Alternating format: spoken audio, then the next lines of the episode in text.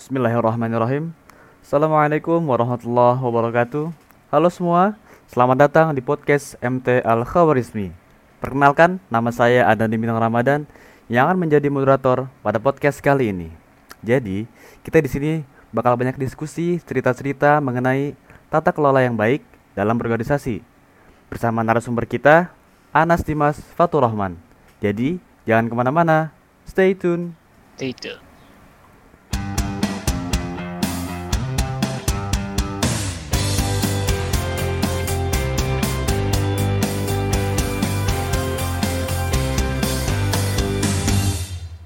Anas Dimas Fatur Rahman. Apa kabar Nas?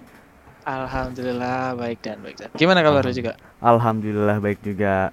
Lama nih kita gak ngobrol-ngobrol. Lagi gila. sibuk apa nih? Lagi sibuk apa? Lagi sibuk apa ya? Pastinya kan kuliah kan. Kuliah kan belakangan ini kan ntar lagi mau UAS kan. Siap-siapin Hmm. lagi terus juga ada project tapi jangan lupa juga organisasi organisasi jangan terbengkalai karena gue juga megang organisasi TMT. Oke. Mm. Semoga dilancarkan ya tugas-tugasnya. Assignment assignment banyak ya. Wah, jelas apalagi forum-forum tuh ya.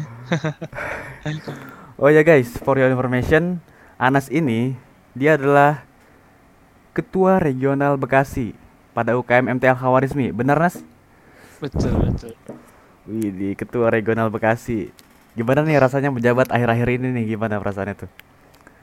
Rasanya gimana? Karena kemarin gue juga eh, dilantik nih Hmm. tahun 2021 awal. Tapi udah jalanin program-program kayak gue juga jadi penanggung jawab tuh udah tahun dari da- dari tahun 2020 gitu kan. Hmm. Tapi ya rasanya ya enjoy sih enak. Yang terpenting ya solidaritas juga, komunikasinya jelas gitu. Semua insya Allah lancar lah gitu. Oke, alhamdulillah. Hmm. Pendengar kita nih banyak yang pengen tahu nih katanya, bagaimana sih cara tata kelola yang baik dalam berorganisasi? Tips and tricksnya gimana? Prinsip dalam organisasi ala Anas tuh gimana sih gitu? Boleh sedikit diceritakan? Ini disclaimer aja. Sebenarnya kan kan prinsip gua, prinsip kan kayak dari gua gitu kan. Tapi gua Hmm. kayak ngambil dari suatu website. Pernah gua baca gitu.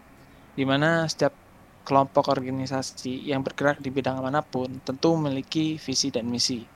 Di mana visi dan misi ini uh, sebagai tujuan dan program kerja yang harus tercapai oleh organisasi tersebut.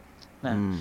Keberhasilan organisasi dalam mencapai tujuan tersebut itu ditentukan oleh salah satu faktor, di mana salah satu faktornya itu yaitu tata kelola organisasi dah. Oh, oke oke oke. Nah, ada prinsip-prinsipnya. Nah, prinsip-prinsip itu ada lima. Yang pertama yaitu Mhm. kewajaran atau namanya fairness lah gitu. Oke. Nah, di sini gue jabarin seluruh pemangku kepentingan harus memiliki kesempatan yang sama untuk mendapatkan perlakuan yang adil dari suatu organisasi. Di mana prinsip ini melarang praktek-praktek tersela yang dilakukan oleh orang yang merugikan pihak lain. Ketika terjadinya hal yang ber kepentingan, maka pihak manajemen harus melakukan keterbukaan. Nah, di mana nih fairness ini menjabarkan kita tuh harus bertingkah adil sewajarnya dalam organisasi. Mana hak suatu anggota, mana hak suatu Hmm, uh, megang mangku adilan gitu. Jadi harus bertingkah adil lah, fairness gitu. Oke oke. Sesama organisasi anggota dalam organisasi kita harus bersikap adil gitu ya. Betul. Hmm, Adil oke. suku, agama, apa misalnya kita Oh, iya. perbedaan apa gitu kan. Tidak membeda-bedakan juga ya. Heeh, jelas Hmm, pasti. Oke oke. Oke, oke, lanjut aja. Yang kedua itu ada keterbukaan atau transparansi. Di mana ini informasi harus diungkapkan secara tepat, waktu dan akurat. Antara Hmm. lain keadaan keuangan, kinerja organisasi, Hmm. kepemiliki kepemilikan, kemudian ke pengelolaan organisasi. Di mana ini kita saling terbuka. Kayak ibaratnya gini dan kayak orang kayak mau PDKT. Kita harus terus Oh. terbuka dulu kan. Gimana Biar tuh gimana tuh? terbentuk. Biar komunikasinya terbentuk. Bentuk kita pasti harus terbuka dulu kan hasilnya. Sama Iya. persis kayak organisasi. Hmm. Jadi harus namanya apa ya aliran organisasi itu kita harus terbuka misalkan masalah keuangan ya kita harus terbuka sama uh, ini juga anggota juga sama misalkan ada juga kita harus juga tahu mana yang harus kita terbuka mana juga yang harus kita uh, siarkan atau enggak itu terbuka gitu lah Oh, jadi iya, harus iya. menempatkan juga gitu dan Oke oke. Jadi kita juga harus eh, transparansi lah istilahnya ya. Mm-mm. Transparan. Terbuka. biar juga mm-mm, terbuka kinerjanya jelas gitu. organisasi terbuka kepada masyarakat umum juga antar anggota juga terbuka gitu ya. Iya, iya. Yang terpenting juga kita harus tahu juga batasan terbuka itu di mana. Jangan Hmm. sampai ya kayak misalkan kayak dokumen penting nih, dokumen Oh, penting iya, iya. kayak organisasi. Kita ngasih tahu tahu bocorin ke organisasi lain atau Iya. ke masyarakat lain. Nah, itu kan gak juga bagus Malah- juga kan. Malah jadi bahaya Malah- urusannya. Iya, Oke. betul kan. Oke, lanjut ya. Kan Mm-mm. poin ketiga nih, itu ada akuntabilitas atau accountability. Lah kok ada akuntabilitas nah di sini? Nih, jelasin dulu kenapa.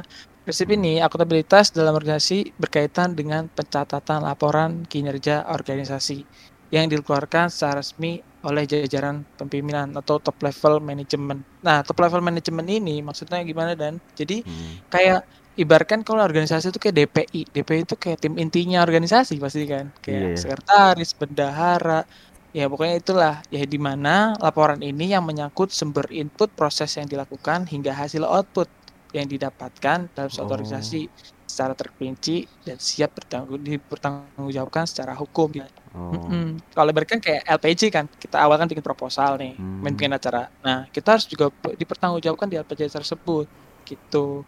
Apa yang udah kita buat di proposal akan kita pertanggungjawabkan juga kelak gitu ya. Harus bertanggung jawab.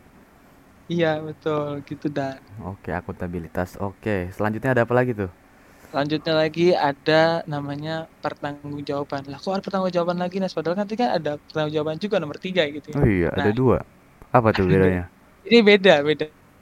Beda, beda. Jadi di pertanggungjawaban ini, di mana prinsip ini menuntut pemimpin atau top level organisasi menjalankan kegiatan secara bertanggung jawab. Nah, kalau tadi kan bertanggung jawabnya kayak misalkan uh, LPJ ini proposal nih kelar nih. Terus nanti bertanggung Hmm. jawabnya kayak di uh, LPJ-nya kayak gini kayak gini, perinci kayak hasil inputnya gimana, eh Iya. input input gimana, hasilnya gimana. Tapi kalau di Iya. sini kayak pengelola organisasi ini lebih menghindari segala kebijakan yang bukan saja yang merugikan organisasi. Di mana di mana kayak organisasi ini bakal keancem nih, kayak misalkan setelah acara ini malah keancem ini organisasi ini. Nah, itu uh, bagian top level atau DPI-nya harus tetap atas perlakuan kayak misalkan keancem atau bagaimana gitu. Hmm, Kayak Jadi- merugikan pihak eksternal atau internal gitu.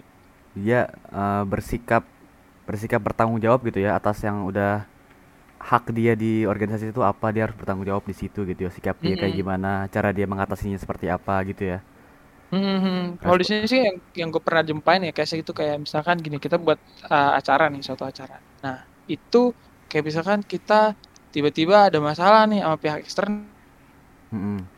Mm-mm. Nah di situlah pihak organisasi yang harus bertanggung jawab. Di mana kita juga nggak boleh merugikan pihak eksternal, kita juga nggak boleh merugikan pihak internal. Kita harus adil dan bertanggung jawab atas dua pihak tersebut.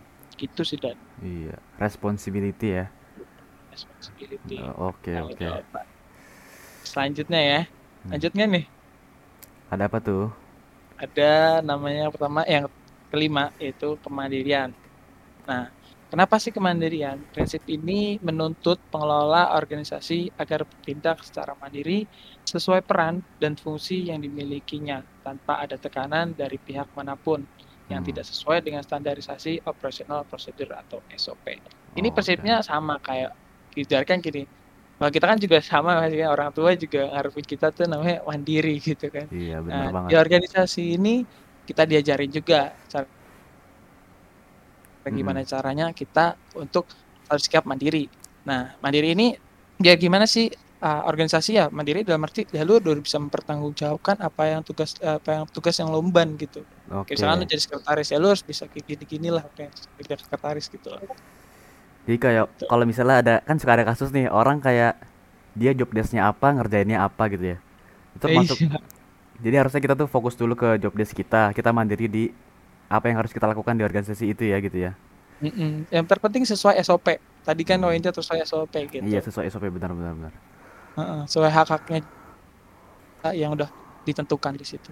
Gitu sih. Oke oke jadi tadi ya lima poin itu harus eh, kita jadikan prinsip dalam kita berorganisasi.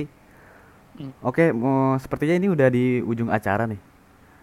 Apakah ada pesan-pesan sedikit untuk para pendengar kita? Waduh. Ya, sebelumnya gue juga minta maaf. Di sini gue bukan bermaksud untuk mengajarkan atau bagaimana sama. Gue juga masih belajar. Gue masih masih dari bawah juga. Di mana di sini gue punya ilmu, gue berbagi, gue sharing ke kalian atau yang lagi denger ini. Semoga kalian juga bisa mendapatkan poin pentingnya dan juga ambil hikmahnya gitulah pokoknya. Ya semoga intinya jangan lupa yang prinsip tadi ingat-ingat untuk menjalankan Oke. organisasi. Insya Allah lancar. Yang terpenting juga satu niat. Karena kalau niat itu segalanya. Bener Gitu. banget. Oke. Terima kasih Anas atas waktunya. Jazakumullah khairan kasir. Iya ya. Oke. Eh, buat pendengar semua, semoga dalam lindungan Allah dan diberkahi Allah Subhanahu wa taala. Sampai jumpa di lain waktu. Saya Dani Bintang Ramadan. Saya Anis Fatur Rahman. Assalamualaikum warahmatullahi wabarakatuh. Wabarakatuh.